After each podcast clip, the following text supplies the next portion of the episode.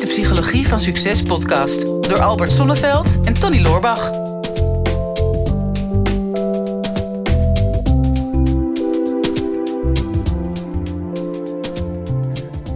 Albert, Ja, vertel het eens, Tony. ik vind deze een beetje spannend. Ja, meen je dat? Ja, een moeilijke vraag. Oh, oké. Ja. Nou ja, ik hoop dat we er iets mee kunnen. Ja, nee, ik hoop dat jij er iets mee kan. Oké. altijd. Je moet Ja. het altijd maar weer oplossen. Ja, we hebben een vraag van, eh, door Fleur. Dus dat Ah. komt al dicht bij jou, want eh, ja, een van jouw dochters heet ook Fleur. Ja. Misschien, misschien is dat zou maar zo Nee, kunnen. nee, nee, nee. Zeker weten we niet. Eh, vraag is, goedenavond. Ten eerste vind ik jullie podcast heel interessant. Ik studeer momenteel psychologie, dus lees uiteraard veel van jullie. Ehm, ik heb ADD, dus mijn vraag is, hoe gaat ADD samen met succes? Of hoe gaat ADD en ADHD samen met succes? Ach, Dus ja, toch. dus dat is al en een moeilijk onderwerp en zo nog een psycholoog. Ja, ook Ja. nog. Ja, in opleiding. Moet wel ergens op slaan, wat we gaan zeggen. Ja, Ja. ja. Ja, dit is al een, dit is, dit is al een dingetje. Ik, wat, ik, wat ik sowieso altijd lastig vind, ehm, is al die labeling die er eh, op dit moment eh, plaatsvindt. Ehm, in, tegenwoordig eh, zijn er best wel veel mensen die ook al het idee hebben dat ze iemand kunnen diagnosticeren. Mhm. Eh, sinds, sinds de opkomst en ondergang van Trump eh, zijn er in één keer heel veel narcisten hè, eh, in de omgeving. ja. Ehm, die er misschien ook al waren, maar die, die zijn nu zichtbaar geworden, maar vooral ook, die worden ook zo genoemd. Of eh, autisten. Of, ehm, Mhm. En we hebben natuurlijk ook eh, al een aantal jaren mensen met ADHD. Mhm. Eh, en eh, ja, goed. Aan de ene kant is dat natuurlijk, wordt dat gezegd als, nou, dat is heel fijn. Eindelijk een diagnose. Eindelijk weet ik waar ik aan toe eh, ben. Mhm. Een van onze bevriende ondernemers, die, eh, die heeft ook een keer zo'n test gedaan. Mhm. We gaan de naam niet noemen.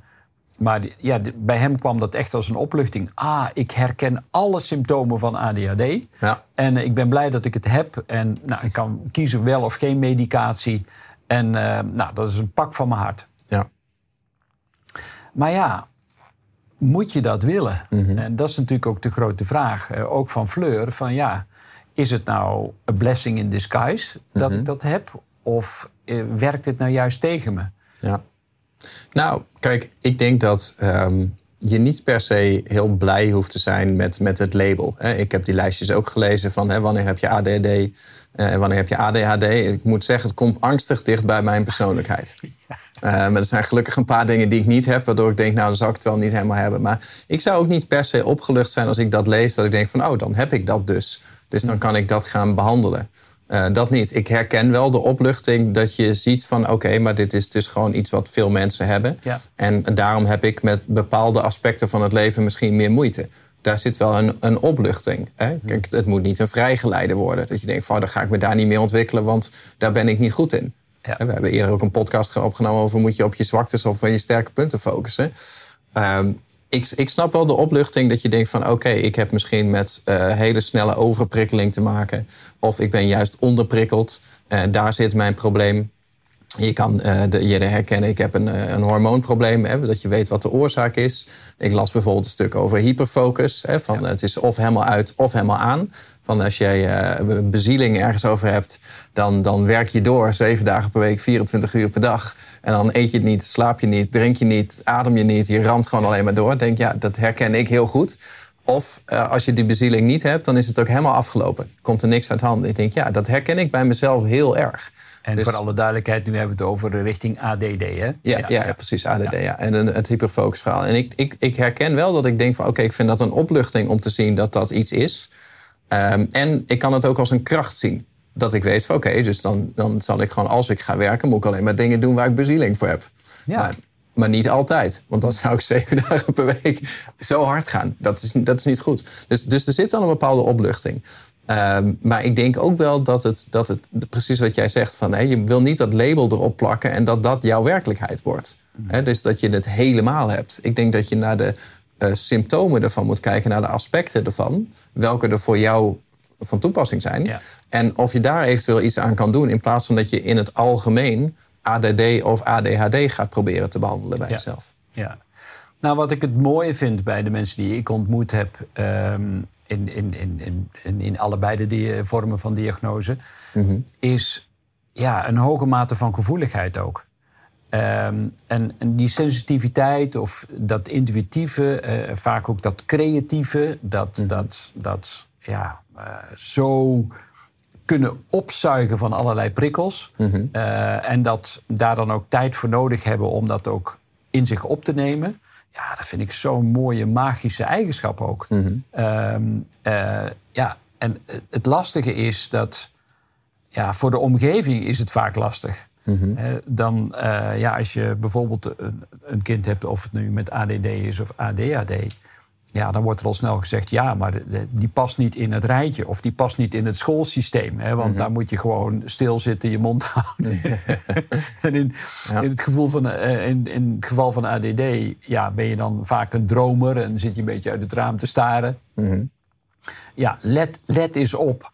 Uh, ga eens rechts zitten. Of, uh, mm. nou, dat is natuurlijk dramatisch. En je ziet vaak ook dat kinderen dan uh, uiteindelijk helemaal vastlopen, angsten ontwikkelen om, om, om naar school te gaan. zeggen van ja, dat is een plek waar ik me niet veilig voel, want ik kan mezelf niet zijn. Mm -hmm. maar dat geldt niet alleen voor kinderen, het geldt ook voor volwassenen, waar gelukkig de laatste jaren wat meer aandacht voor mm -hmm. komt. Want ook op je werk kun je dat gevoel hebben, ja, ik ik pas niet in dat stramien hè, van mm. ja, nog net geen prikklok, maar ja, ik moet me aan de regels houden. Mm. Terwijl, ja, uh, in, in het geval van ADD, ja, moet je misschien wel heel vaak thuis zijn. Mm. Om gewoon weer even bij te komen van je enorme power die je, en die enorme focus die je hebt laten zien. Maar daarna moet het even helemaal niks meer zijn of zo. Ja, klopt. Nou, en ik denk dat het altijd nuttig is om dat soort dingen te gaan testen. Kijk, je hebt heel snel een, een associatie met uh, een ADHD'er is een heel druk iemand is helemaal natuurlijk niet per se zo. Nee. ADD, ADD, ADHD liggen ook heel dicht bij elkaar. Denk het, het grote onderscheid zit hem in het hyperactieve. Hmm. dat met ADD heb je eigenlijk zo'n beetje precies hetzelfde. Je hebt alleen dat, dat hyper niet. Waardoor je het waarschijnlijk bij jezelf ook niet herkent. Uh, ik zou dat bij mezelf ook niet herkennen. Ik denk ook niet dat ik dat heb. Misschien dat ik ook nog wel een keer zo'n test ga doen om, om dat zeker te weten. Maar er zitten wel nuttige dingen in. als jij weet van, ik weet bijvoorbeeld van mezelf dat um, ik snel overprikkeld raak in, in grote groepen mensen, bijvoorbeeld. Ja. En dat, dat mij dat energie kost. Dat in, in kleine groepen van, met de juiste mensen ik juist oplaad. Maar in, in grote groepen, uh, zelfs als het, als het borrels of zo zijn, nou, dat, dat, dat kost mij energie. Nou, ja. Het is nuttig om te weten. Hè? Als je weet dat jij heel snel overprikkeld raakt van bepaalde dingen. En je weet welke dingen dat zijn is perfect voor je energiebalans, dat je daarmee kan gaan werken. Uh, als je weet dat je juist met precies dezelfde klachten eigenlijk een andere oorzaak hebt, namelijk dat je onderprikkeld bent, hmm. is, is nog wel een wezenlijk verschil. Hè? Dat je weet wat je moet gaan aanpassen. Ik denk dat, en dat is ook een beetje de vraag van hè, succes en ADD, uh, eh, succes en ADHD. Ik denk dat er een aantal dingen in zitten die juist een enorme kracht kunnen zijn als je het, als je het weet te funnelen. Hè, zeg ik maar in mijn, uh, in mijn marketingtaal. Hè, eh, noemde ik natuurlijk net een voorbeeld van. Hè, dat je weet, als ik de bezieling heb, dan, dan ben ik niet te houden. Hmm. en zo zijn er denk ik een aantal andere hele grote voordelen aan die je kan, uh, die je kan omarmen.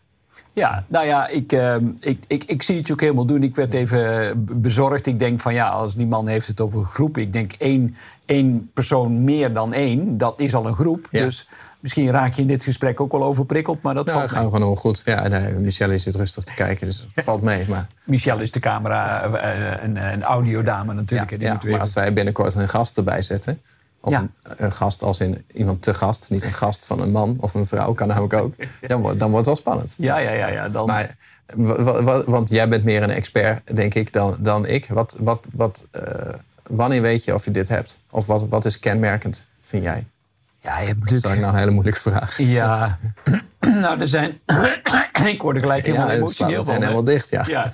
Nee, um, het, het natuurlijk, er zijn lijstjes genoeg te vinden op internet. En dat is natuurlijk ook lastig. Er zijn ook hele bedrijven en bureaus inmiddels in gespecialiseerd mm -hmm. om uh, lange testen te maken met je. Mm -hmm. Ja, dat is een moeilijk stuk, ja. Ja, dat is echt een moeilijk stuk.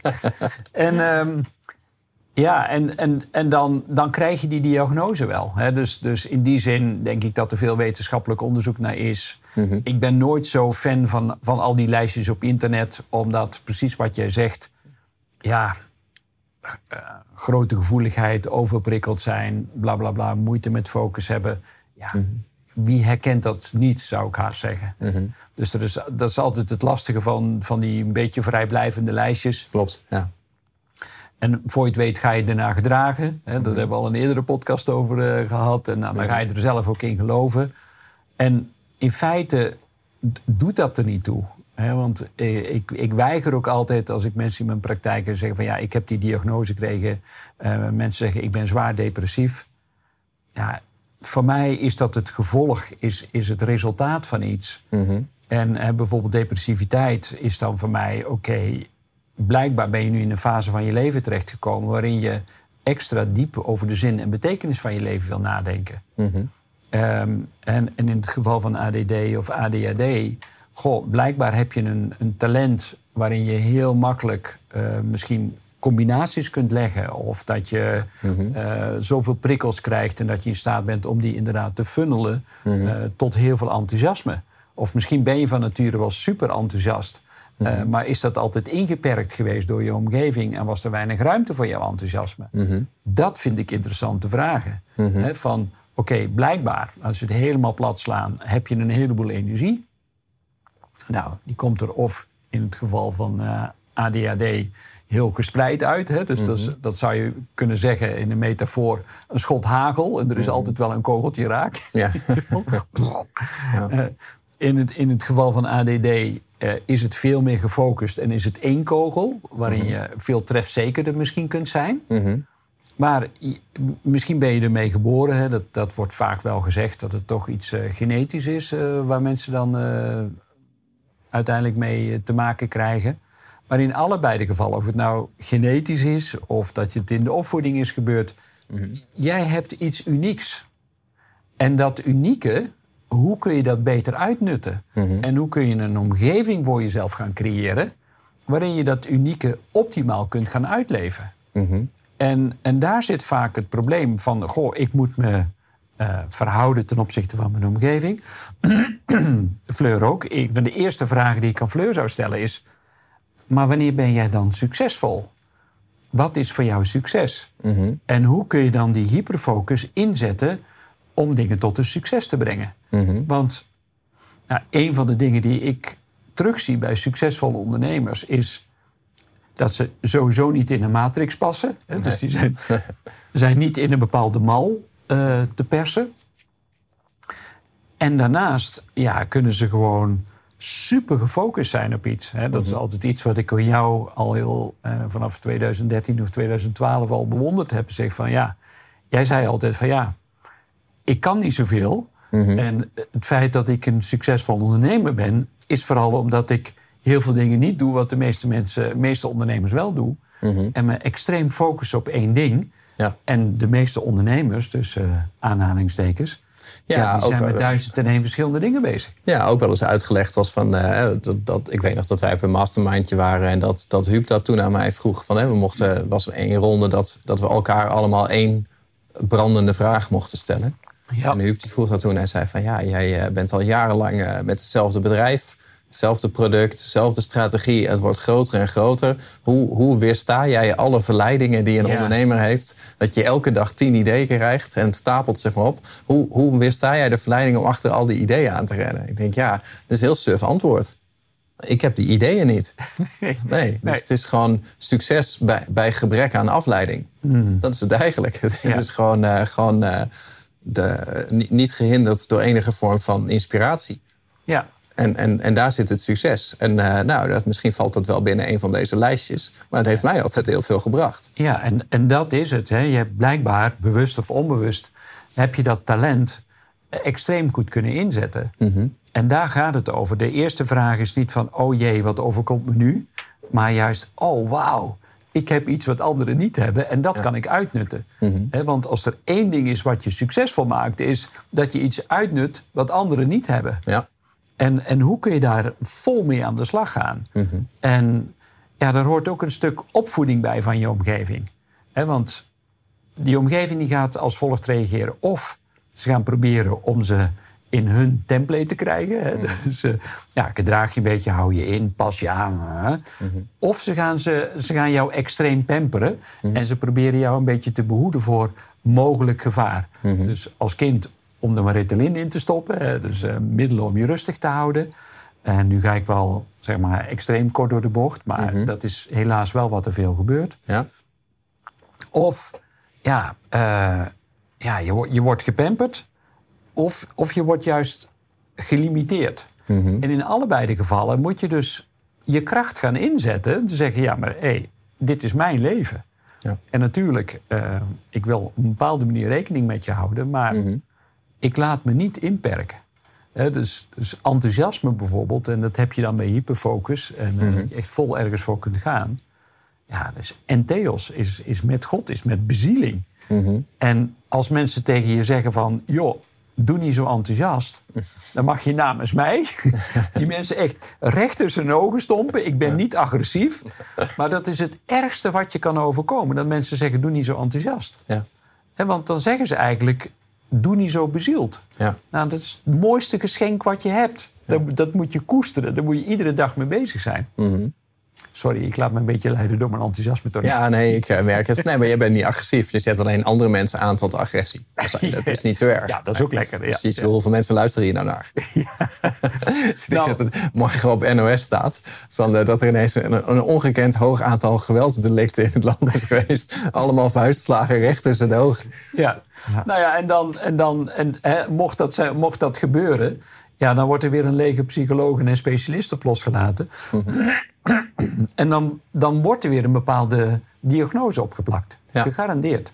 Ja. Of, of dan wordt er verwezen naar een moeilijke jeugd of naar een. Dan denk ik, ja, wij willen natuurlijk verklaren, we willen analyseren. En onze Fleur met de, de studie psychologie. Er, ik weet het uit ervaring. En we, we, we willen nou eenmaal toch weer iets kunnen klassificeren. Ehm, maar zo uniek als dat je vingerafdruk is, zo uniek jouw iris-scan is, zo uniek dat jouw oorafdruk is, zo uniek is ieder mens. We hebben 7 miljard unieke mensen.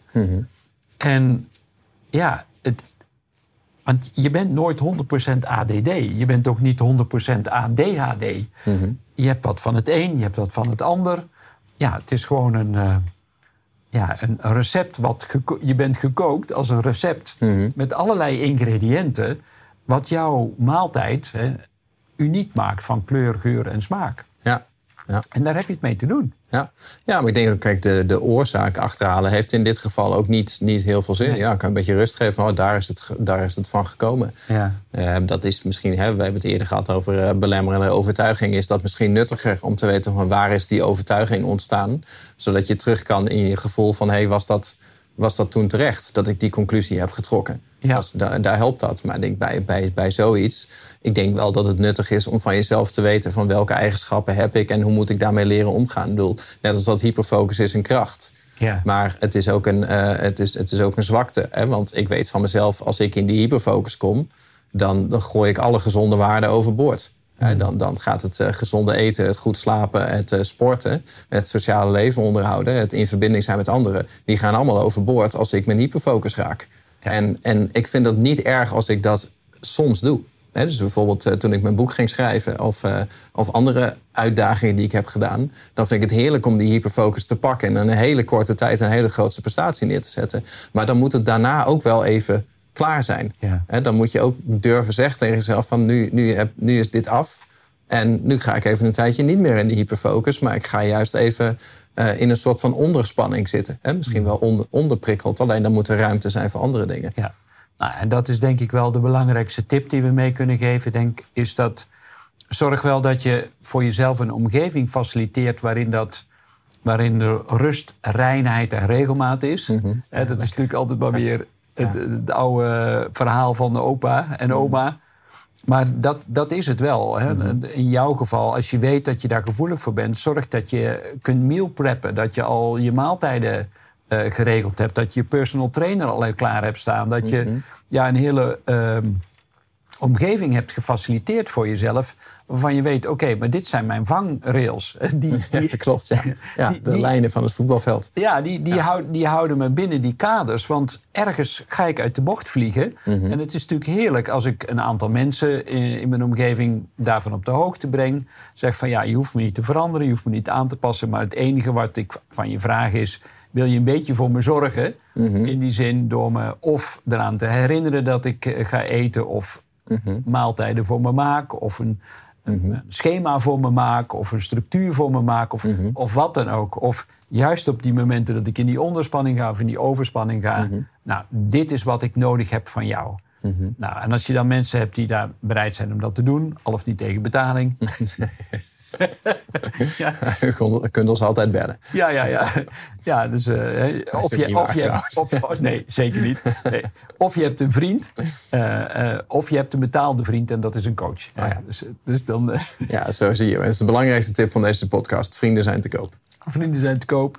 Um, maar maar je, je, je, snapt, denk ik, wat we hiermee bedoelen. Is, is zorg alstublieft goed voor jezelf.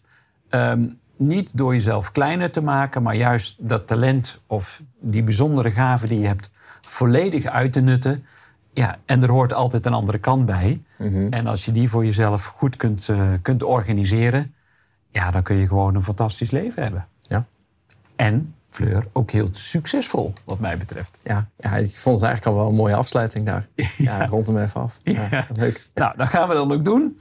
Um, wat zijn jouw ervaringen? Misschien heb je zelf de diagnose gehad. Uh, misschien heb je jezelf er tegen verzet. Misschien heb je een hele weg uh, afgelegd inmiddels om, uh, ja, om tot, te komen tot het punt waar je nu bent. Dat je zegt, nou, ik ben eigenlijk best wel gelukkig met mezelf. En heb je nog tips en adviezen voor anderen, kun je dat hieronder, als je in ieder geval naar YouTube kijkt, eh, achterlaten op de comments. Je kunt ons ook nog andere vragen stellen. We hebben er al heel veel, maar misschien pikken we jouw vraag eruit en vinden het heel leuk om die dan weer in de volgende podcast met jou te behandelen. Dit is de Psychologie van Succes podcast door Albert Sonneveld en Tony Loorbach.